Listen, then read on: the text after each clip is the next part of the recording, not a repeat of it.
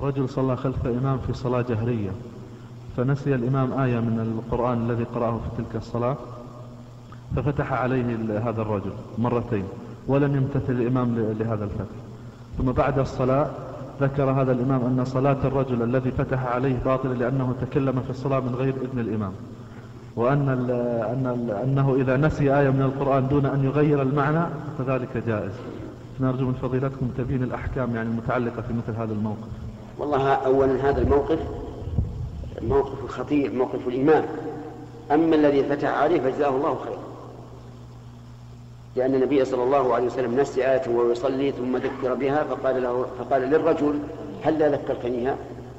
وهو وهو عليه الصلاة والسلام أعلم الناس بالقرآن وسيد الخلق. قال هل لا ذكرتنيها؟ فحثوا على أن يذكروا بها.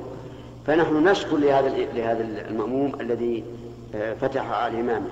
أما الإمام فإن موقفه خطير جدا.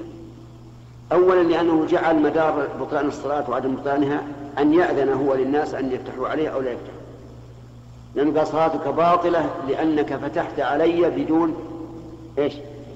بدون إذني فكأنه جعل نفسه مشرعا. ثانيا قوله إنه يجوز للإنسان أن يحذف آية من القرآن إذا كان لا يتغير به المعنى. هذا خطير.